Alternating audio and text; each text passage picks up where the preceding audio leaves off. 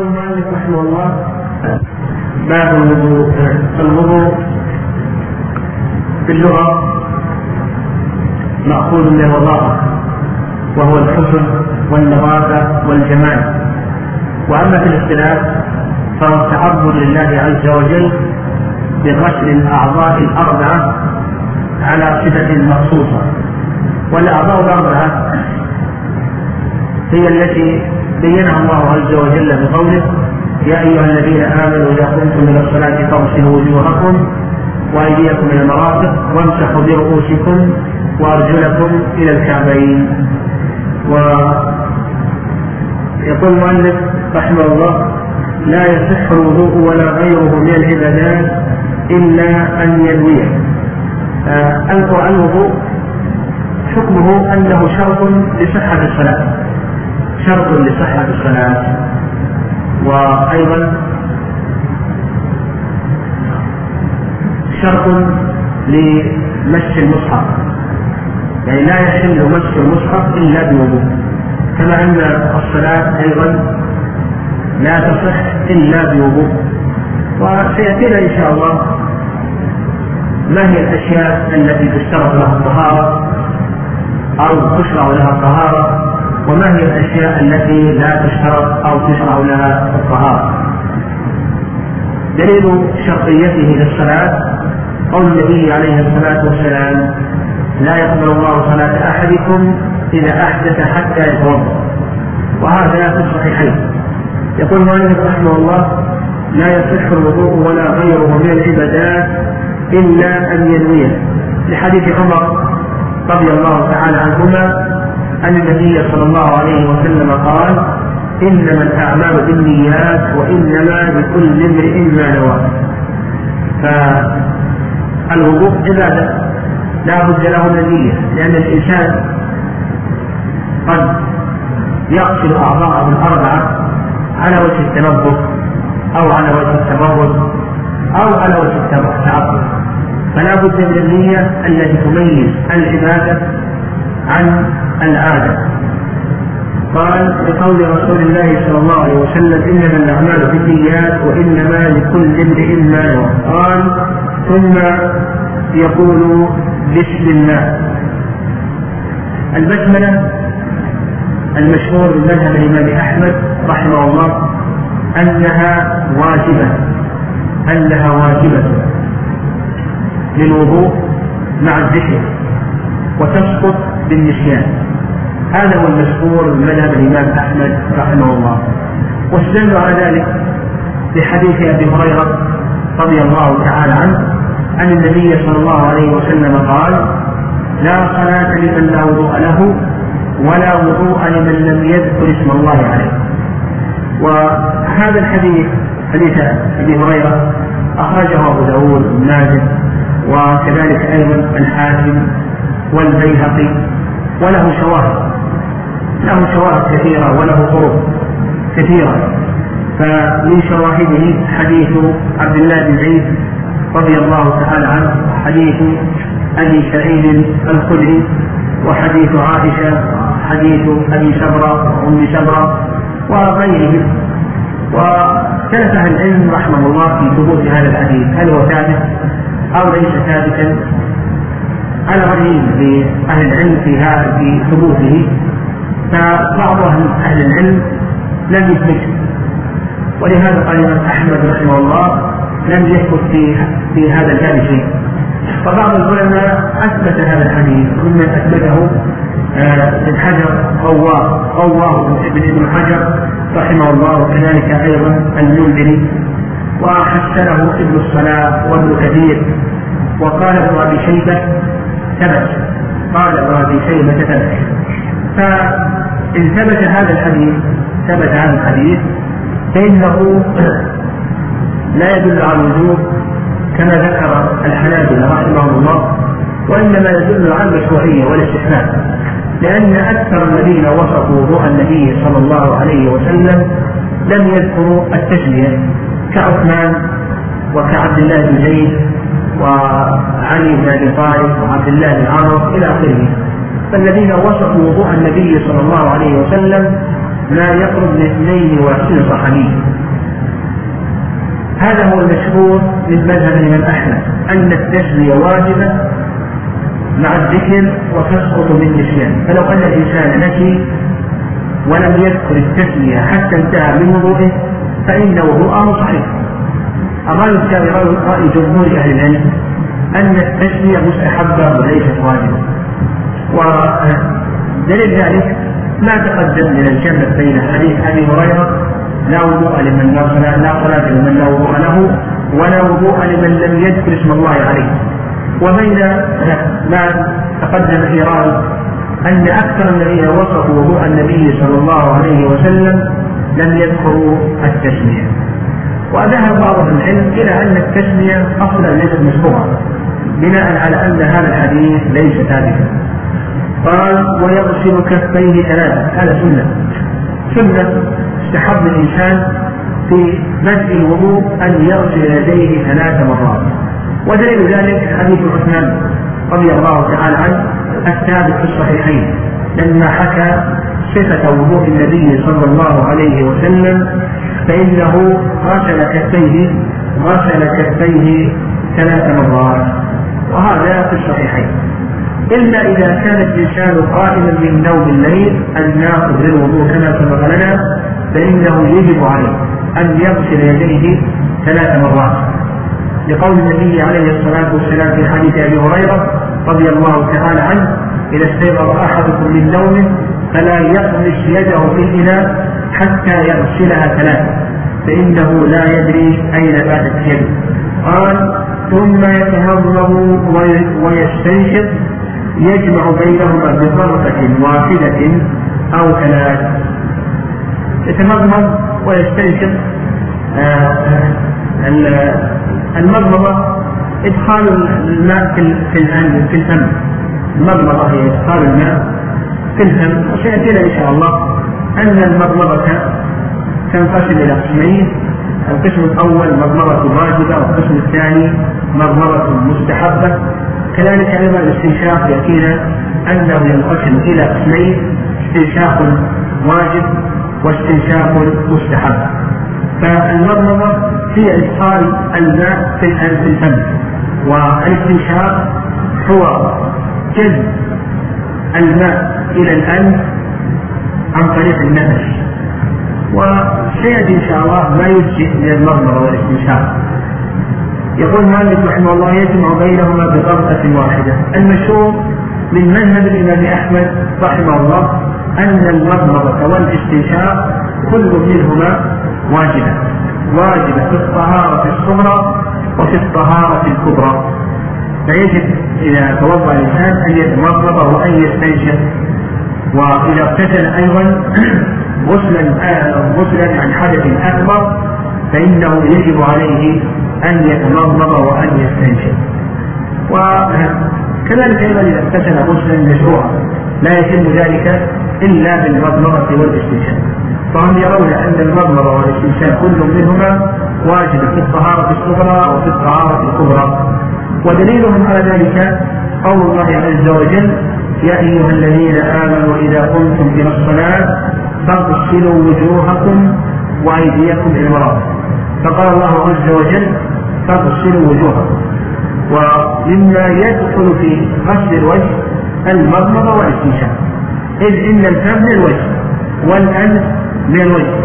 ويدل لذلك أن الإنسان إذا كان صائما وأوصل الماء إلى فمه أو أنفه فإنه لا يفطر ويدل لذلك أيضا آه على ما ذهب إليه الإمام أحمد رحمه الله يدل لذلك حديث أبي هريرة في الصحيحين. أن النبي صلى الله عليه وسلم قال إذا توضأ أحدكم فليجعل في أنفه ماء ثم لينتبه قال ليجعل في أنفه ماء ثم لينتبه وهذا أمر والأمر يفيد يفيد الوجوب وأيضا ورد في سنن أبي داود من حديث رفيق بن صدرة أن النبي صلى الله عليه وسلم قال إذا توضأت فمضمض إذا توضأت فمضمض. ومما يدل أيضا لما ذهب إليه الحنابلة على وجوب المضمضة والاستنشاق أن الذين وصفوا وضوء النبي صلى الله عليه وسلم وكما سبق انهم ما يقول بالليل واشياء صحابية لم يذكروا أن النبي عليه الصلاة والسلام اخل بهما فقول النبي عليه الصلاة والسلام داوم عليهما هذا أيضا مما يشهد مما يشهد للوجود وعند الشافعي رحمه الله ومالك أن المضمضه والاستنشاق سنة في الوضوء وفي الغسل في الطهارة الكبرى والطهاره الصغرى. وعند أبي حنيفة رحمه الله أن المضمضه والاستنشاق واجب في الطهارة الكبرى دون الطهارة الصغرى. لكن ما ذكرناه من الأدلة يشهد لما ذهب إليه الإمام أحمد رحمه الله وأن المضمضه والاستنشاق كل منهما واجبه في في الطهارة الكبرى وفي الطهارة الصغرى قال المؤلف رحمه الله يجمع بينهما بفرقة واحدة أو ثلاث هذا بيان للأفضلية هذا بيان الأفضلية يعني السنة السنة إذا أردت أن تتوضأ تجمع بين المضمضة والاستنشاق لا تفصل بينهما. ولهذا ذكر ابن القيم رحمه الله أنه لم يثبت عن النبي صلى الله عليه وسلم أنه فصل بين المضمضة والاستنشاق فحديث عبد الله بن زيد الثابت الصحيح يدل على أن السنة أن تجمع بين المضمض والاستنشاق سواء كان ذلك في ثلاث غرفات أو في غرفه واحدة. مثلا تاخذ الغرفه مضمض لبعضها وتستنشق بالبعض الباقي ثم تاخذ الغرفة الثالث مضمض لبعضها وتستنشق بالباقي وهكذا الثالثة.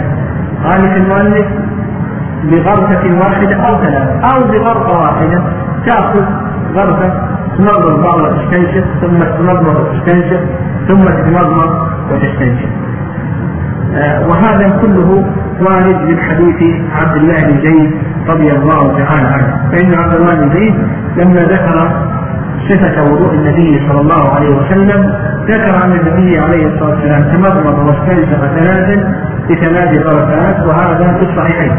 وفي صحيح البخاري أن النبي صلى الله عليه وسلم تمضمض واستنشق ثلاثا بغرفة واحدة. ولو أن الإنسان فصل تمضمض ثم أخذ ماء واستنشق هذا لا بأس به. هذا لا بأس به. لكن السنة كما ذكر المؤلف رحمه الله أن يتمضمض ويستنشق آه، بثلاث غرفات ولا يفصل. لا يفصل بين المضمضة والاستنشاق بل يأخذ غرفة ويتمضمض ببعضها ويستنشق بالباقي وهكذا الثاني وهكذا الثاني أو يأخذ غرفة واحدة ويتمضمض بالبعض ويستنشق ثم يتمضمض ويستنشق ثم يتمضمض ويستنشق. كما في حديث عبد الله بن زيد رضي الله تعالى عنه. قال ثم يغسل وجهه ثلاثا من منابت شعر الرأس إلى من حذر من اللحيين والذقن طولا. آه آه هذا هو الركن الأول من أركان الوضوء. غسل الوجه يغسل وجهه وغسل الوجه دل عليه القرآن والسنة والإجماع. القرآن كما تقدم في آية المائدة والسنة الذين وصفوا وضوء النبي صلى الله عليه وسلم ذكروا ذلك كما في حديث عثمان وعبد الله بن زيد وعلي وعبد الله بن عمرو وغيرهم والإجماع قائم على وجوبه قائم على وجوب غسل الوجه. وبين المؤلف رحمه الله حده قال من منابت شعر من منابت شعر. قال العلماء رحمه الله من منابت شعر الرأس المعتاد. فلا عبرة بالأفرع بالأفرع الأفرع الذي ينحجر شعر رأسه ولا عبرة بالأجنح الأجنح الذي يكون له شعر ينزل ينزل عن الرأس ويكون في الجبهة لا عبرة بالأفرع ولا عبرة بالأجنح وحد بعض العلماء حدا أحسن من هذا. قال بدلا من أن نقيد بملابس شعر الرأس يقول آه، لأن الوجه الذي يجب غسله هو ما تحصل به المواجهة. فإذا حصل الانحناء إذا حصل انحناء الرأس الانحناء للرأس فإنه لا يجب غسله. ما يتعلق بالانحناء هذا لا يجب غسله لكن الذي يجب غسله هو ما تحصل به المواجهة. وأما هذا من جهة الأعلى وأما من جهة الأسفل فبينه المؤلف رحمه الله قال إلى من حذر من اللحين والذقن طولا. إلى من حذر من اللحين والذقن طولا. أما بالنسبة لشعر اللحية فهذا سيأتي بيانه إن شاء الله. ومن الأذن إلى الأذن عرضا لأن هذا كله يطلق عليه وجها في اللغة العربية وتحصل به المواجهة. ويدخل في الوجه كما سبق لنا المضمضة والاستنشاق فإن المضمضة والإستنشاق كل منهما واجب. ومن غسل الوجه. وذكرنا الدليل على ذلك؟ قال ويقلل لحيته إن كانت كثيفة وإن كانت تصف البشرة لزمه غسلها. بالنسبة للشعر شعر اللحية ذكر المؤلف رحمه الله فيه تفصيلا. فقال قال إن كان هذا إن كان شعر اللحية كثيفا فيجب غسل يجب أن يغسل ظاهرها. قبل أما بالنسبة للتخليل بالنسبة لتخليل شعر اللحية فهذا سيأتينا إن شاء الله وأن المؤلف رحمه الله يجعله من سنن الوضوء. أما الواجب فإنه يجب عليه أن يغسل الظاهر إذا كانت اللحية خفيفة لأن هذا مما تحصل به المواجهة. وأما إن كانت قبيحة ترى البشرة من ورائها فإنه يجب غسل هذه البشرة يجب غسل اللحية والبشرة التي ترى من ورائها. في عموم قول الله عز وجل يا أيها الذين آمنوا إذا قمتم إلى الصلاة فاغسلوا وجوهكم. وما دامت هذه البشرة ترى وظاهرة لكون اللحية خفيفة فهي داخلة فهذه البشرة داخلة في قول الله عز وجل فاغسلوا وجوهكم. قال ثم يغسل يديه إلى المرفقين ثلاثة ويدخلهما في الغسل. يغسل يديه هذا أيضا الركن الثاني من أركان الوضوء. غسل اليدين. وغسل اليدين هذا دل عليه القرآن والسنة والإجماع. أما القرآن فقول الله عز وجل يا أيها الذين آمنوا إذا قمتم إلى الصلاة فاغسلوا وجوهكم وأيديكم المرافق وأما السنة فالذين وصفوا وضوء النبي صلى الله عليه وسلم لم يذكروا أن النبي عليه الصلاة والسلام أخذ بغسل اليدين. والإجماع قائم على ذلك. وقال المؤلف رحمه الله ويدخلهما في الغسل يعني يدخل المرفقين في الغسل. هذا لرد قول الظاهرية. فإن الظاهرية يرون أن المرفقين لا يجب غسلهما. أخذا بظاهر القرآن في قول الله عز وجل وأيديكم إلى المرافق. فقالوا إلى هذه تفيد الغاية. و... وعلى هذا فالمرفق ليس داخلا في القسم لأن الله عز وجل قال إلى المرافق وأجاب العلماء عن ذلك قالوا بأن إلى هنا بمعنى ما؟ جاءوا عن ذلك قالوا بأن إلى هنا بمعنى ما؟ كقول الله عز وجل ولا تأكلوا أموالهم إلى أموالكم أي مع أموالكم. وأيضا الجواب الثاني أن السنة بينت أن السنة بينت أن المرفق يرسل كما في حديث أبي هريرة رضي الله تعالى عنه. فإن أبا هريرة توضأ وغسل يديه حتى أشرع الأرض. وغسل رجليه حتى أشرع في الساق وقال هكذا رأيت رسول الله صلى الله عليه وسلم يتوضأ. فقوله حتى أشرع الأرض. هذا يدل على أن النبي صلى الله عليه وسلم غسل مرفقيه وقوله في الحديث حتى أشرع في الساق هذا يدل على أن النبي صلى الله عليه وسلم غسل كعبين فنقول بالنسبة للمرفقين لا بالنسبة للمرفقين داخلان في غسل اليد يجب على الإنسان أن يغسل مرفقين وأما بالنسبة لقوله إلى فقلنا أجبنا عن ذلك أجبنا عن ذلك بجوابين. قال ثم يمسح رأسه مع الأذنين يبدأ بيديه من مقدمه ثم ثم يدرهما إلى قفاه هذا الركن الثالث من أركان الوضوء أن يمسح رأسه. وظاهر كلام المؤلف رحمه الله أنه يجب عليه أن يمسح جميع رأسه.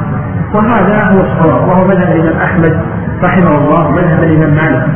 أن الإنسان في الوضوء يجب عليه أن يمسح كل رأسه.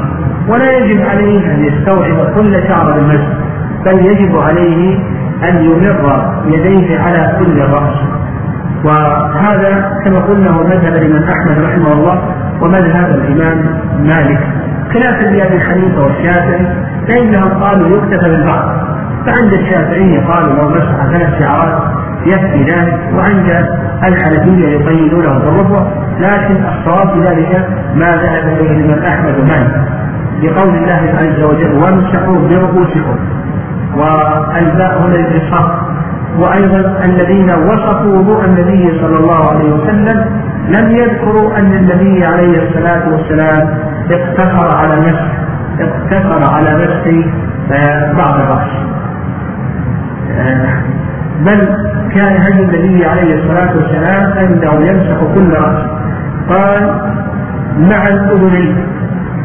أيضا الأذنان يجب مسحهما. ودليل ذلك القرآن. قول الله عز وجل وأيديكم إلى المرافق وامسحوا برؤوسكم. امسحوا برؤوسكم. والأذنان من الرأس. الأذنان من الرأس. والله عز وجل أمر بمسح الرأس. فإذا كان كذلك فيدخل في هذا الأمر الأمر بمسح الأذنين. فيجب مسح يجب مسح الأذنين. وأيضا يدل ذلك أيضا حديث عبد الله بن زيد رضي الله تعالى عنه أن النبي صلى الله عليه وسلم قال الأذنان من الرأس. الأذنان من الرأس. حديث أبي أمامة. حديث أبي أمامة رضي الله تعالى عنه أن النبي صلى الله عليه وسلم قال الأذنان من الراس وهذا الحديث أخرجه أبو داود والترمذي وابن ماجه والدار القطري والبيهقي وغيرهم. وهذا الحديث إسناده إن شاء الله حسن. آه قال يبدأ بيديه من مقدمه ثم ثم يمرهما إلى قفاه ثم يردهما إلى مقدمه.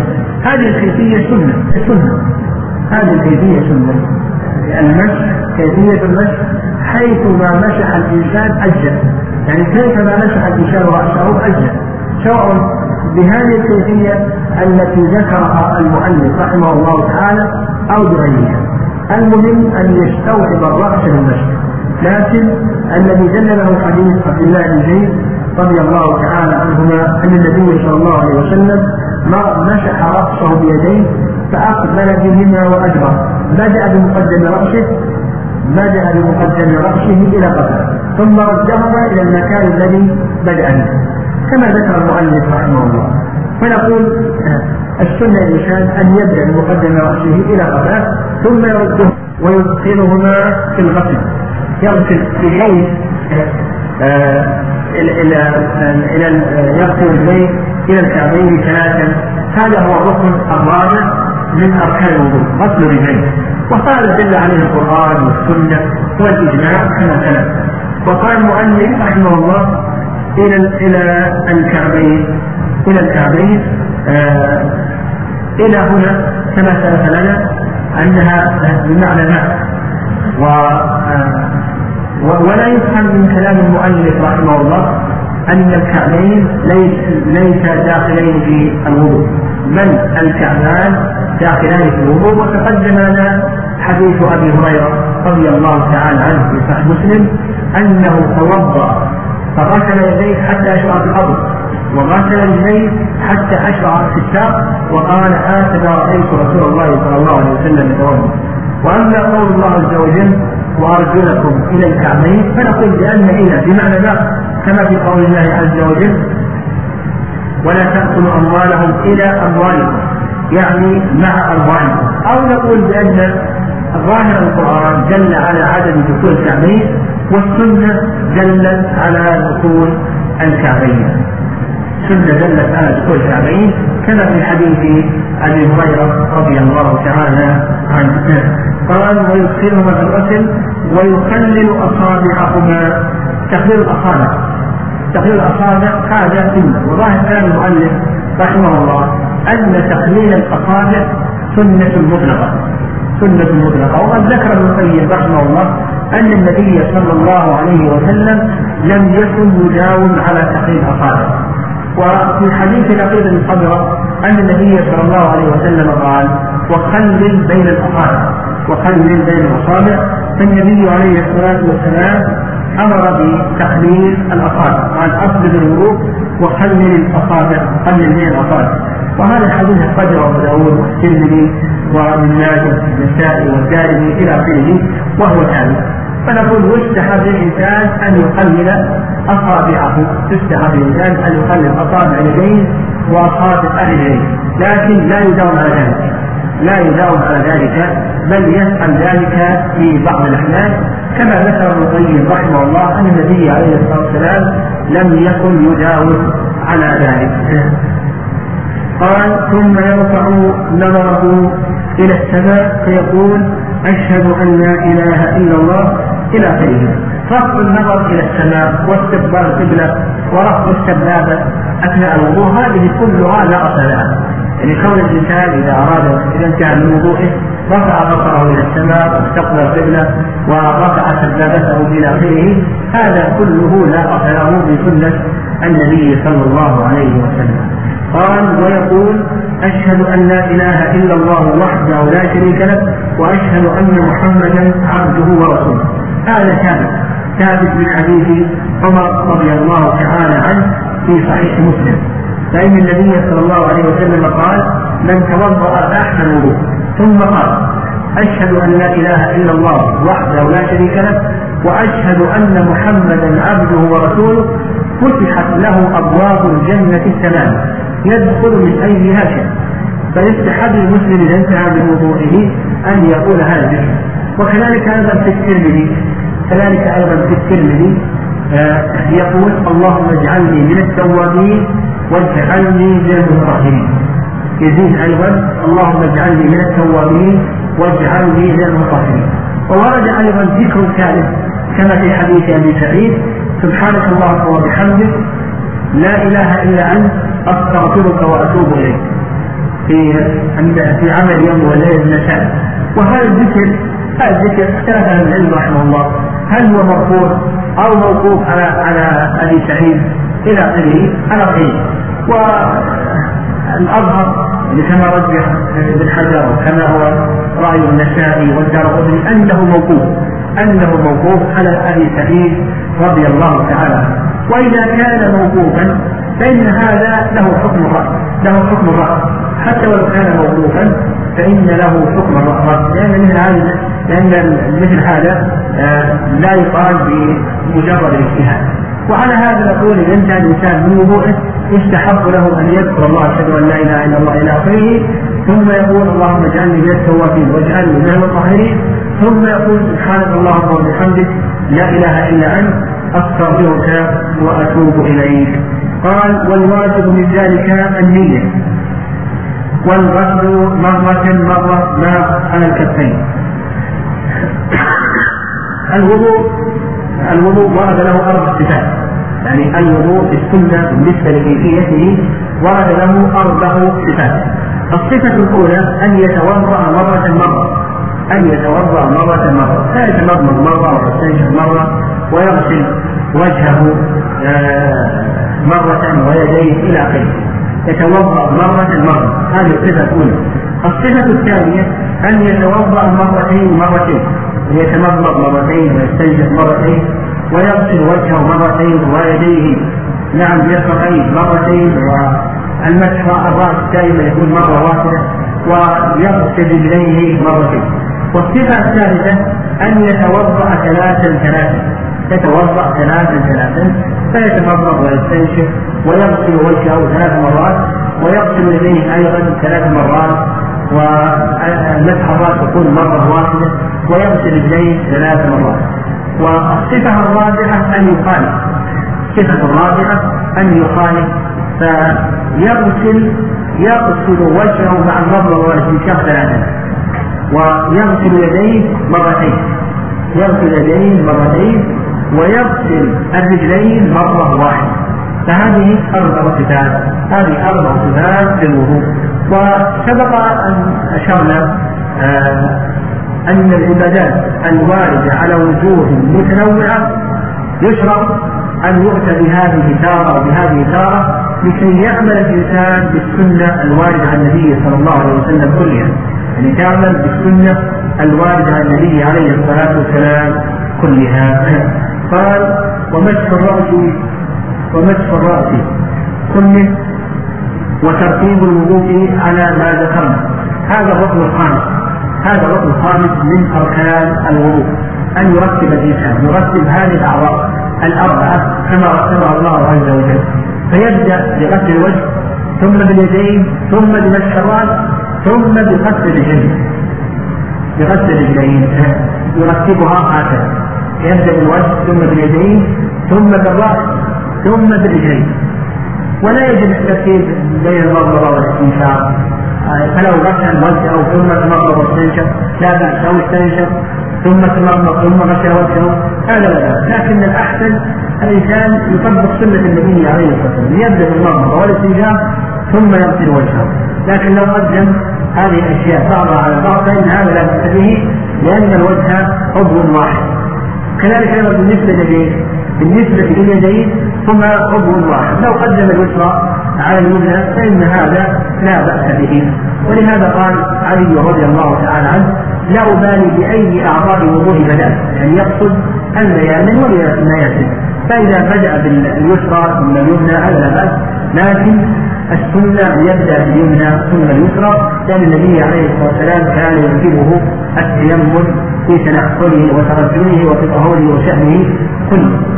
آه لكن المقصود بالترتيب هنا أن أن يرتب هذه الأعضاء الأربعة كما رتبها الله عز وجل. والدليل على ذلك القرآن. فإن هذه الأعضاء الأربعة وردت مرتبة والله عز وجل أدخل الممسوح بين المقتولات فقول فقول الممسوح يدخل بين المقتولات هذا يدل على يدل على اشتراط الترتيب.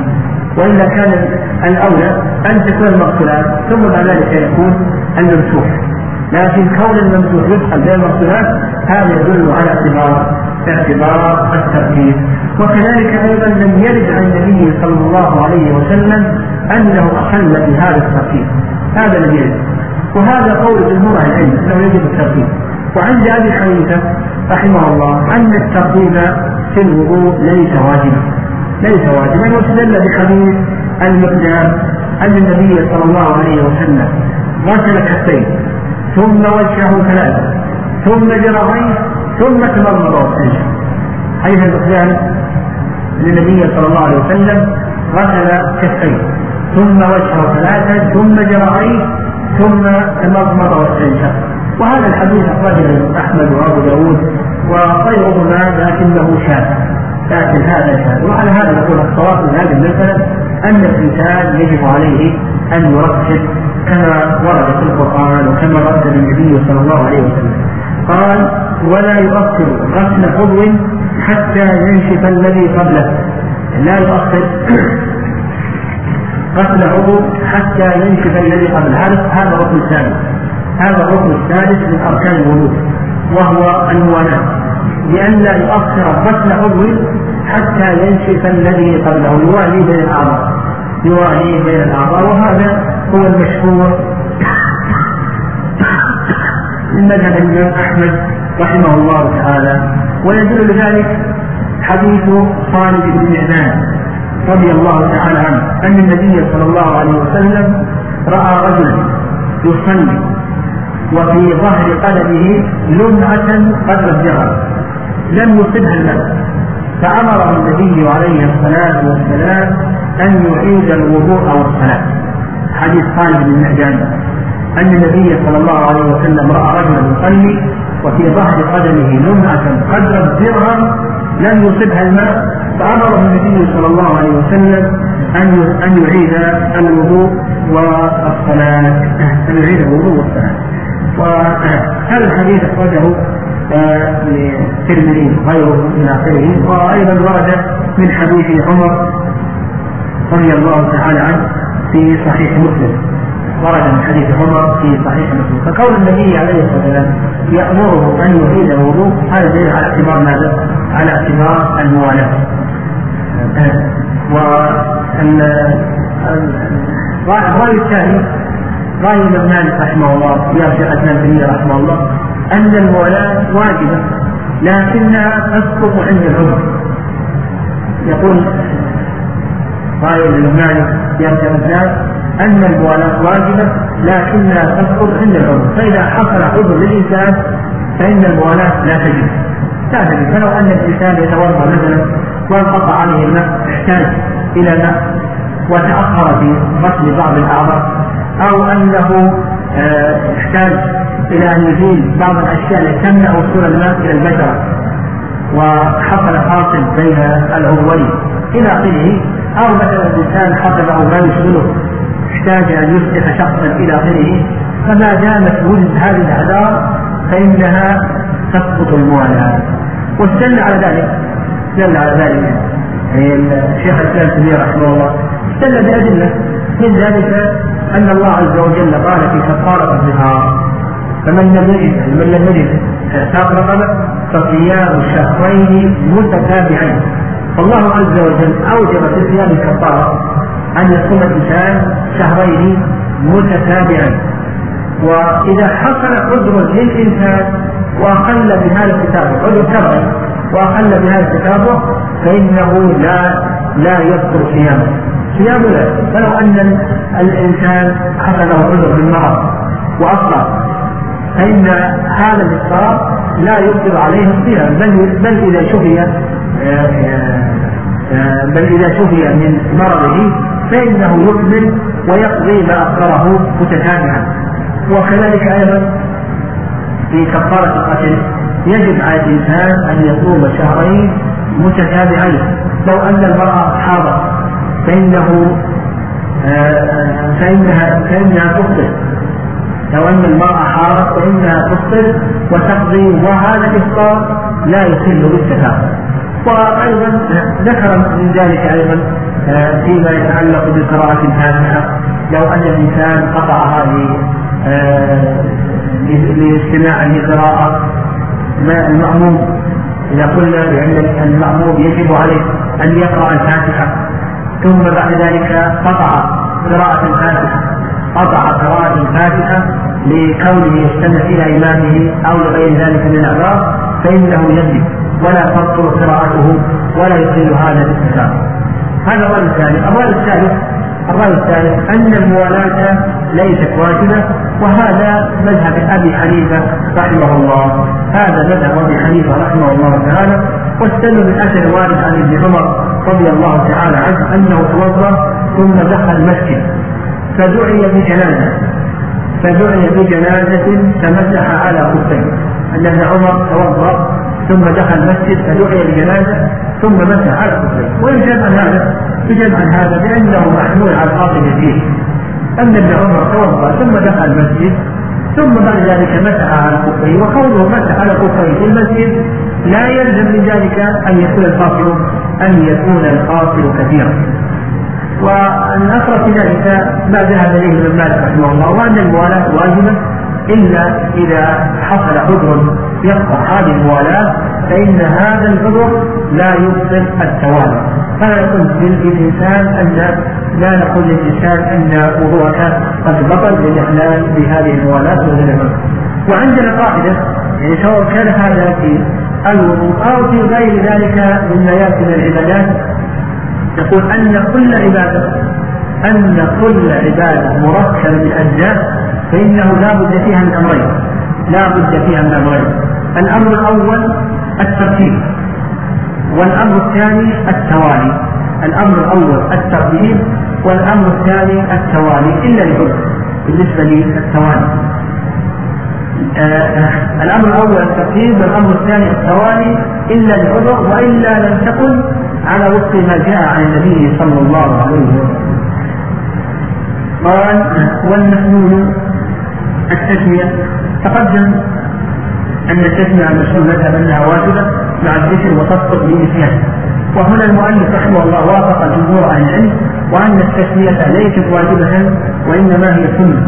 وغسل الكفين غسل الكفين أيضا في بدء الوضوء كون الإنسان يغسلهما ثلاث مرات هذا سنة كما تقدم من حديث عثمان رضي الله تعالى عنه. والمبالغة في المضمضة والاستنشاق. المبالغة في المضمضة والاستنشاق. المضمضة كما ذكرنا لها كيفيتان والاستنشاق له كيفيتان أما الكيفية الأولى للمضمضة فالكيفية الواجبة كيفية الواجبة وهي أن يوصل الماء إلى داخل الفم. إذا أوصل الماء إلى داخل الفم فقد أتى بالواجب. وأضاف بعض العلماء رحمه الله قال أن يحركه أدنى تحريف الكيفية الثانية الكيفية المستحبة وهي أن يدير الماء في جميع الفم أن يدير الماء في جميع الفم فالكيفية الواجبة أن يرسل الماء إلى داخل الفم والكيفية المستحبة أن يديره في جميع الفم أيضا الاستنشاق له كيفيتان كيفية واجبة كيفية مستحبة. الكيفية الواجبة أن يوصل الماء داخل الأنف والكيفية المستحبة أن يجذب الماء إلى أقصى الأنف هذه الكيفية المستحبة. وقد ذكر العلماء رحمه الله أنه إذا أوصل الماء بأي طريق بأي طريق أوصل سواء كان بالجاد في جذب النفس أو بغيره من الطرق فإن ذلك كافي. المهم أن يصل الماء إلى داخل الأنف. هذا الواجب. والمستحب أن تجذبه إلى أقصى الأنف. إلا أن يكون صائما بحيث لقيت المصنف أن النبي صلى الله عليه وسلم قال وما الاستنشاق إلا أن تكون صائما قال وتقليل اللحية. أيضا تقليل اللحية مستحب. بحيث يأخذ الإنسان آه، شيئا إذا كانت اللحية كثيفة إذا كانت اللحية خفيفة. أما إذا كانت خفيفة فإنه يجب أن يغسلها ويغسل ما وراءها من البشر كما تقدم من الدين لكن إذا كانت اللحية خفيفة فإنه يأخذ شيئا من الماء بكفه ويعرفها من تحت الجبل ثم يأخذ أيضا كفا من الماء ويعرف الجانب الأيمن ثم الجانب الأيسر. وهذا دليل حديث عثمان رضي الله تعالى عنه أن النبي صلى الله عليه وسلم كان يخلل كان يخلل لحيته. هذا حديث عثمان. وهذا الحديث آه، هل هو ثابت أو ليس ثابتا إلى آخره؟ بعض العلماء حكم عليه بالشذوذ.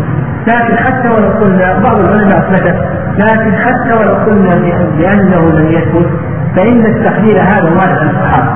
تقول التحليل هذا وارد عن الصحابة رضي الله تعالى عنهم وعلى هذا نقول يستحب للانسان كما ذكر ابن القيم أن يقلل في بعض الأحيان.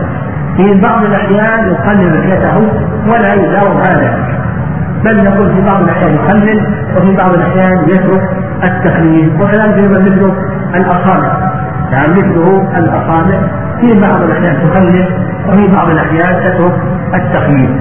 قال ومسح الأذنين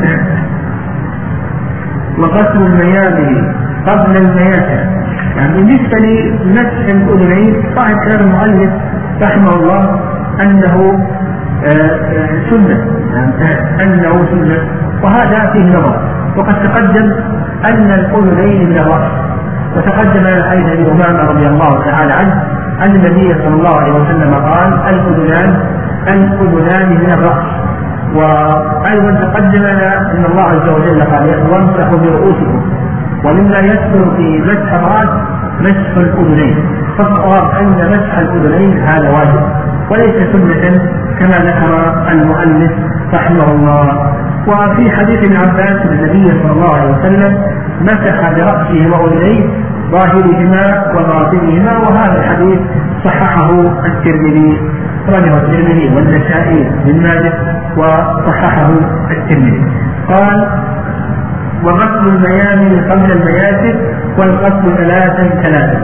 غسل الميامن قبل المياسر يعني يغسل يده اليمنى قبل اليسرى آه، يغسل يده اليمنى قبل اليسرى. هذا هو السنة لما تقدم من حديث عائشة رضي الله تعالى عنها النبي كان يعجبه أن يستحسن التيمم في تنقله وترجله وظهوره وفي شأنه كله.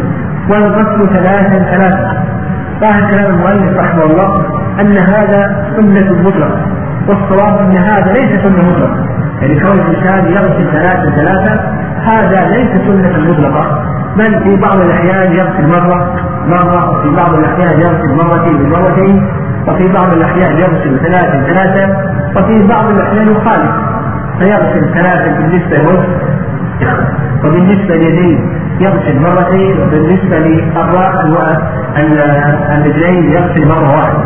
يعني يأتي بسائر الصفات الواردة عن النبي صلى الله عليه وسلم. قال وتكره الزيادة عليها. ظاهر كلام المؤلف رحمه الله أنه آه، آه، ظاهر كلام المؤلف رحمه الله أنه لا يزيد على ثلاث على ثلاث وهذا صواب قال المؤلف رحمه الله يكره بل صريح كلامه أن هذا مكروه ليكره للإنسان أنه لا يزيد على ثلاث غسلات وهذا صواب لأن النبي عليه الصلاة والسلام لم يزد على هذه الثلاث. وقال النبي عليه الصلاة والسلام سيكون أقوام من امتي يعتدون في الدعاء والطهور. سيكون أقوام من امتي يعتدون في الدعاء والطهور. وهذا من الاعتداء. كون الإنسان يزيد على ثلاث غسلات هذا من الاعتداء في الطهارة.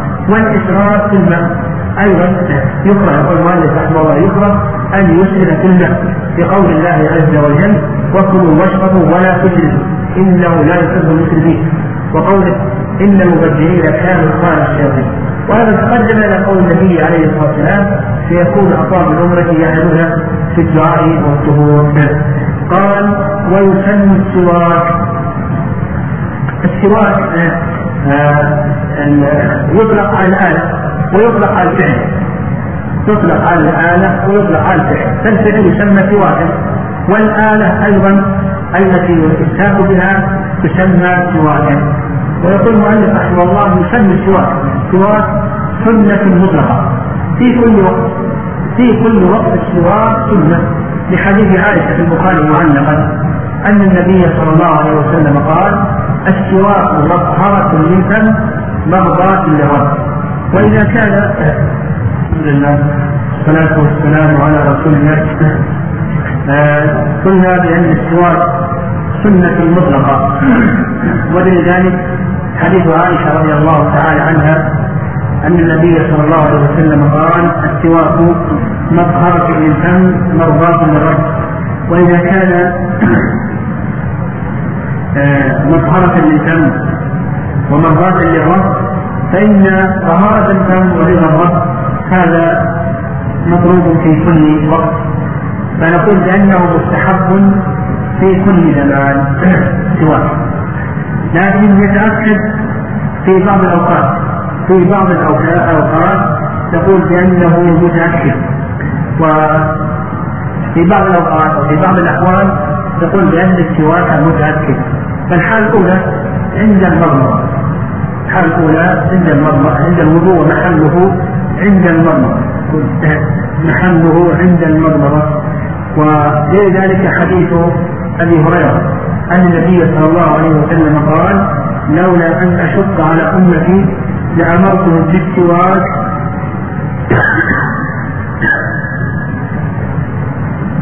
لولا أن أشق على أمتي لأمرتهم بالسواك عند كل صلاة. عند كل وضوء. لأمرتهم بالسواك عند كل وضوء. ومحله عند المرضى.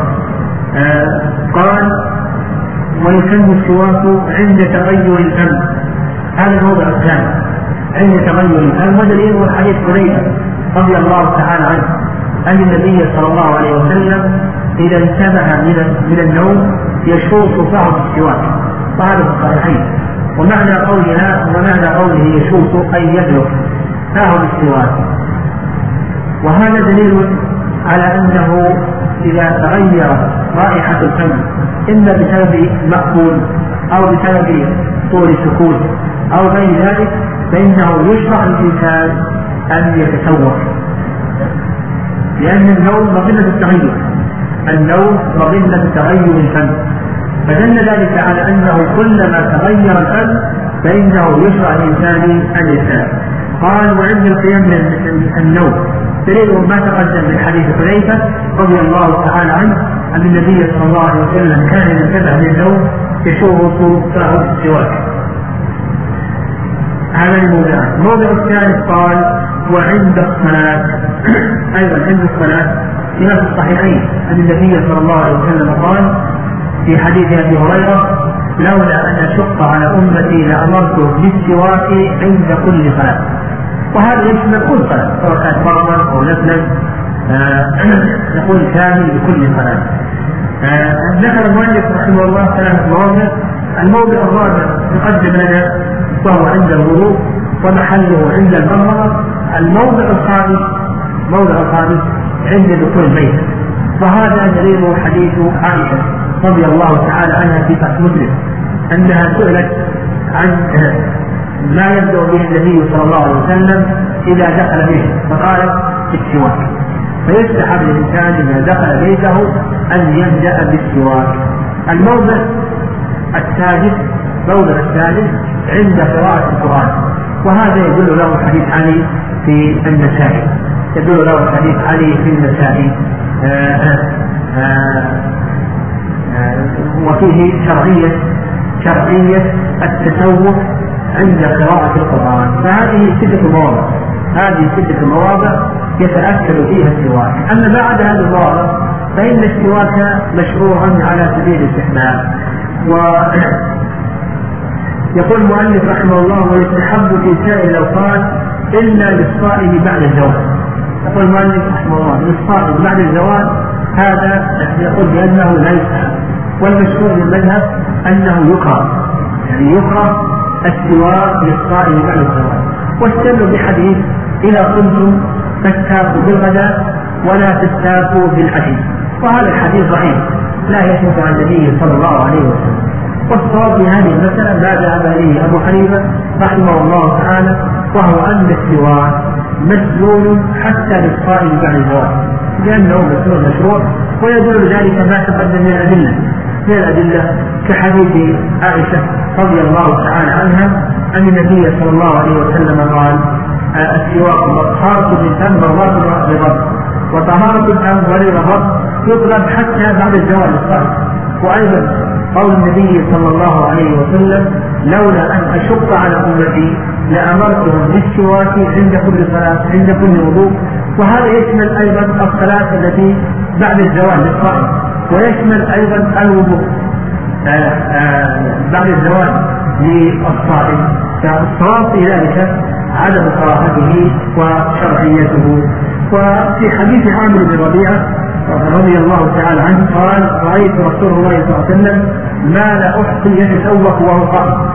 رأيت رسول الله صلى الله عليه وسلم ما لا أحصي يتسوق وهو قائم. وهذا حديث حسنه الترمذي وإن كان فيه بعض هذا الحديث ضعيف. لكن الترمذي حسنه وقد أخرجه أبو داود والترمذي والإمام أحمد والبيهقي وغيرهم وهو لا يكفي آه، والترمذي رحمه الله حسنه. وعائشة رضي الله تعالى عنها سئلت عن السواك الصائم فقالت هذا سواكي بيدي. ولم يذكر المؤلف رحمه الله بأي شيء يكون السواك. بأي شيء يكون السواك. وهذا موضع خلاف إلى العلم رحمه الله. فكثير من العلماء قال بأن السواك لا تحصل به السنة إلا إذا كان بالعود إذا كان بالعود حصلت به السنة. أما بعد ذلك فإنه لا تحصل به السنة. والصواب في ذلك الصواب كما ذهب إليه النووي وابن قدامة إلى أن السواك يحصل بكل ما تحصل بكل شيء تحصل به طهارة الفم. كل شيء تحصل به طهارة الفم سواء كان ذلك بالعود أو كان بغير ذلك من الآلات. بغير ذلك من الآلات. أو بالإصبع إذا كان الإصبع خجلا أو كان بالخرقة أو غير ذلك يوجد يوجد الآن مرضفات وغير ذلك. فكل ما حصل به نظافة الفم وطهارته فإن السنة تحصل به. فإن توق الإنسان عند الوضوء. تتوق مثلا عند الوضوء بسرجة أو بالسواك أو بإصبعه دلك إصبعه تنظف ودلكها في فمه. يقصد ذلك السواك فإنه, فإنه يحصل له من السنة بقدر ما تحصل بعده طهارة الفم ونظافته. هذا هو الصواب. لأن المقصود المقصود هو طهارة الفم ونظافته. وإذا كان كذلك فبأي شيء حصلت هذه الطهارة والنظافة تكون جنب السواك مشروع. قال رحمه الله باب مسح الخفين مناسبة هذا الباب لما قبله ظاهرة فإن المؤلف رحمه الله لما تكلم على أحكام الوضوء تكلم على أحكام المسح الخفين لأن المسح الخفين يتعلق بعضو من أعضاء الوضوء وهو الرجال. فالمناسبة بين البابين ظاهرة. يقول المؤلف رحمه الله يجوز المسح على الكفين أو المسح في اللغة الإمرار. وأما في الاصطلاح فهو إمرار الجلة على حائل مخصوص نقول في الاصطلاح إمرار البلة على حائل مقصور والخفان تسمية خف الخفان تسمية خف وهو ما يلبس على الرجلين من جلد.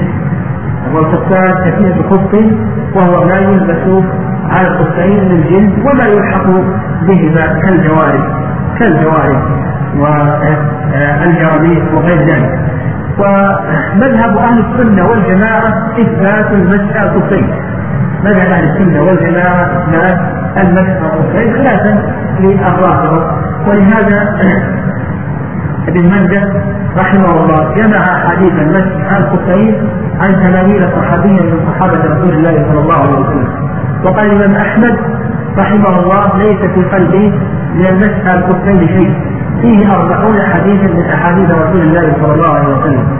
وقال الحسن سمعت أحاديث المسح على الخفين عن سبعين صحابيا من صحابة رسول الله صلى الله عليه وسلم. وكان فيه خلاف قديم للسلف. لكن هذا الخلاف زاد فالإجماع منعقد عليه.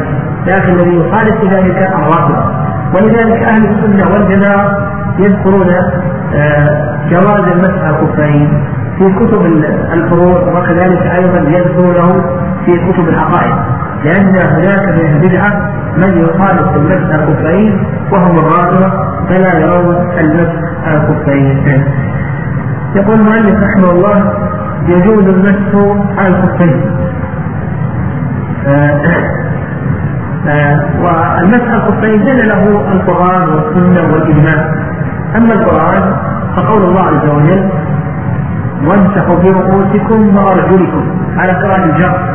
على قراءة الجر فإن بعض العلماء حمل قراءة الجر.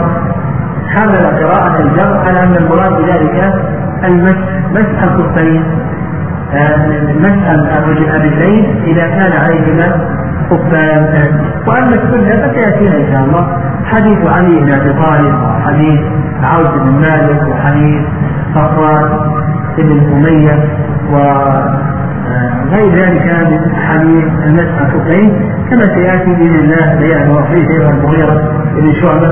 قال يجوز المسح الخفين ظاهر كلام المؤلف رحمه الله أن المسح الخفين مباح. أن المسح الخفين مباح هذا ظاهر كلام المؤلف رحمه الله تعالى وأنه ليس سنة. وعند الإمام أحمد رحمه الله أن نعم يعني ظاهر كلام المؤلف رحمه الله أن المسح الخفين مباح وليس سنة لقوله يجوز لقوله يجوز. وعند الإمام أحمد رحمه الله أن المسح الخفين سنة. إذا كان الإنسان لابسا للخفين آه المسح عليهما هو السنة. إذا كان الإنسان لابسا عليهما للخفين وذلك رد لأهل البدعة. رد لأهل البدع واختلف العلماء رحمهم الله. أيهما أفضل؟ أن يمسح الإنسان على خفيه أو يغسل رجليه. هل الأفضل غسل أو الأفضل المسح؟ الغالب أحمد رحمه الله يرى أن المسح أفضل من الغسل. ردا البدع الذين ينكرون المسح على الخفين وعند شيخ الإسلام تيمية رحمه الله أن السنة للإنسان أن يراعي حال بدنه. فإذا كان لابسا للخفين فالأفضل أن أن يبدأ ولا نقول الأفضل أن يستقبل وتغسل الزيت وإذا كان خالعا للخفين فالأفضل أن يغسل رجليه ولا نقول البس به الأفضل للإنسان أن يراعي حال قدمه. وهذا هو الذي دل له سنة النبي صلى الله عليه وسلم.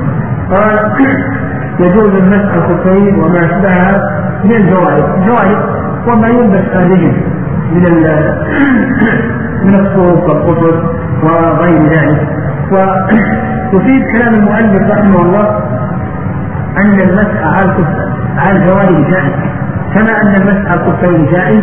أيضا المسح على الجوارب جائز يعني ما يلبس على الرجل من القطر ومن الصوف ومن سائر أنواع الأقمشة إلى آخره.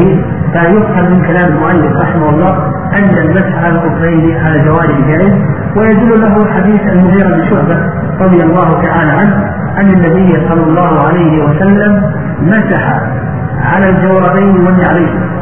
وهذا الحديث أخرجه الترمذي وغيره وصححه الترمذي. وأيضا هو الوارد عن الصحابة مسح الجوارب هذا هو الوارد عن الصحابة رضي الله تعالى عنه عنهم قال الإمام أحمد رحمه الله يذكر المسح على الجوربين عن سبعة أو ثمانية من صحابة رسول الله صلى الله عليه وسلم. ونقول كما أن المسح الخفين يعني لا يلبس على رجل للجلد وغيره يجوز كذلك أيضا لا على رجل من صوف أو قطن أو نحو ذلك. الذي تلبس الآن هذه كلها على مشهور النبي أحمد رحمه الله أن هذا جائز خلاف الإمام مالك. الإمام مالك رحمه الله يختلف أن يكون الممسوح جلدا من جلد يشترط أن يكون من جلد لكن ما ذكرناه من الدليل حيث المغيرة آه، رضي الله تعالى عنه. أن النبي صلى الله عليه وسلم مسح على النعلين والجوربين. وهذا قلنا بأنه حديث ثابت كما ذكر الترمذي رحمه الله. وكذلك أيضا هو الوارد عن الصحابة رضي الله تعالى عنهم كما تقدم عن الإمام أحمد رحمه الله أنه قال المسجد يذكر مسح الجوربين عن سبعة أو ثمانية من صحابة رسول الله صلى الله عليه وسلم. قال الصفيقة هنا شرع المؤلف رحمه الله في بيان شروط المسح الخفين فذكر الشرط الأول. الشرط الأول أن تكون صفيقة صفيقة بمعنى ساترة للقدم. فإن كانت خفيفة تصف القدم لم يصح المسح عليه. هذا هو من المذهب. لا بد أن تكون ساترة لا تصف القدم.